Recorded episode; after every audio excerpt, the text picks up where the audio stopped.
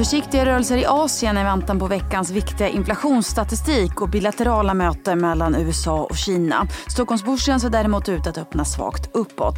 Mitt namn är Ylva Johansson. Det här är DI Morgonkoll. Ja, det är små rörelser på de ledande börserna i Asien idag. Börserna i Fastlandskina backar svagt samtidigt som fokus nu riktas mot USAs president Joe Biden och Kinas ledare Xi Jinpings möte på onsdag. Det är det första fysiska mötet på runt ett år mellan ledarna och det finns tecken på att den frostiga relationen börjar tina upp. Bland annat så uppges Kina överväga att köpa Boeing 737-plan och därmed häva sitt köpstopp mot den amerikanska flygplanstillverkaren. Annars uppges militära frågor vara i fokus för mötet. När vi ändå är inne på flygplan kan vi väl nämna att Boeing börjar närma sig en försäljning av ett högt tvåsiffrigt antal plan av modellen 777X till Emirates. Samtidigt uppges Turkish Airlines vara i förhandling med Airbus om att köpa 345 flygplan, rapporterar Bloomberg, vilket i sådana fall skulle bli bolagets största affär någonsin. I fredags uppgav också USAs finansminister Janet Yellen att USA och Kina ska intensifiera kommunikationen om ekonomin efter ett möte med den högste tjänstemannen vid Kinas statliga ekonomiska planeringsmyndighet. Och samtidigt som vi idag inväntar månadsrapporten från oljekartellen OPEC plus backar oljepriset återigen till följd av ökad oro för minskad efterfrågan i Kina och USA framöver. Brantoljan ner lite drygt 1 och kostar knappt 81 dollar fatet. Hongkongbörsen handlas i sidled. Kinesiska tech Raketen Xiaomi uppges ha haft rekordförsäljning på 3,11 miljarder dollar i samband med Singles Day. Aktien stiger drygt 1% Även e-handelsjättarna Alibaba och JD.com rapporterar ökad försäljning i samband med Singles Day. Alibaba backar en halv procent, JD.com handlas oförändrat. Även Tokyobörsen handlas i sidled idag. I Japan så sjönk producentprisinflationen rejält i oktober. Producentpriserna steg med 0,8 vilket är första gången på två och ett halvt år som priserna stiger mindre mindre än 1.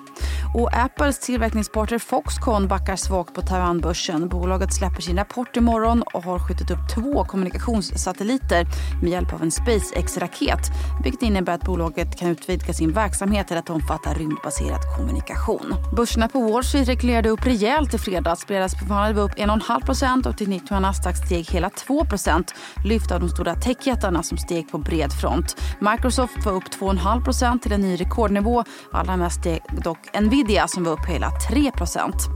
Och kreditvärderingsinstitutet Moody's sänker nu utsikterna för USAs kreditbetyg till negativa till följd av landets högre räntor och underskott. Samtidigt behåller man som det enda av de större kreditvärderingsinstitutet det högsta kreditbetyget AAA för USA.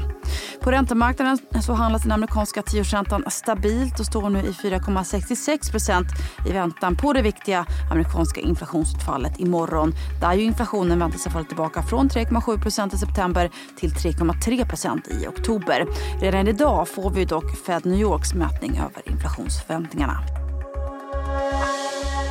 Så till Sverige och det Lundinägda diamantbolaget Lucara Diamond som ökade både omsättning och resultat i det tredje kvartalet. Sett till de första nio månaderna i år minskar däremot både omsättning och vinst jämfört med i fjol till följd av ett tuffare marknadsläge för diamanter. Ingen diamant kanske, men i alla fall kronan på verket i den danska ekonomin. Ja, jag pratar såklart om läkemedelsjätten Novo Nordisk vars fetmaläkemedel Vegovi uppges minska dödligheten med 18% hos personer med kardiovaskulära sjukdomar. Detta enligt en ny studie publicerad i tidskriften New England Journal. När vi ändå är i Danmark så kan vi väl nämna att fastighetsbolaget KRM sålt två fastigheter i Köpenhamn för 3,9 miljarder kronor vilket är i linje med det bokförda värdet. På tal om fastighetssektorn så ser vi idag äntligen fram emot att ta del av fastighetsbolaget SBBs rapport efter att man skjutit upp den två gånger. Intervju med vd Leif Synnes blir det i Börsmorgon 8.45. Mitt namn är Ylva Johansson. Du har lyssnat på DI Morgonkoll.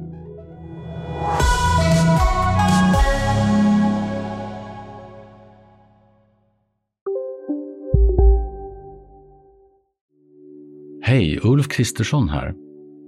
På många sätt är det en mörk tid vi lever i. Men nu tar vi ett stort steg för att göra Sverige till en tryggare och säkrare plats. Sverige är nu medlem i Nato. En för alla, alla för en. Där det finns ett samhälle, där finns det brott. Krimrummet är podden som tar brottsligheten på allvar. Jag bjuder in landets ledande expert experter och tar upp aktuella rättegångsfall för att begripliggöra den kriminalitet som kryper allt närmare. Du, alltså, du kan knäcka ett eller några gäng, men det kommer komma nya och så kan vi knäcka dem sen. Men att du ska knäcka allt forever, det kommer aldrig ske. Det är infinite gain. Lyssna på Krimrummet, en podd från Expressen med mig Kim Malmgren.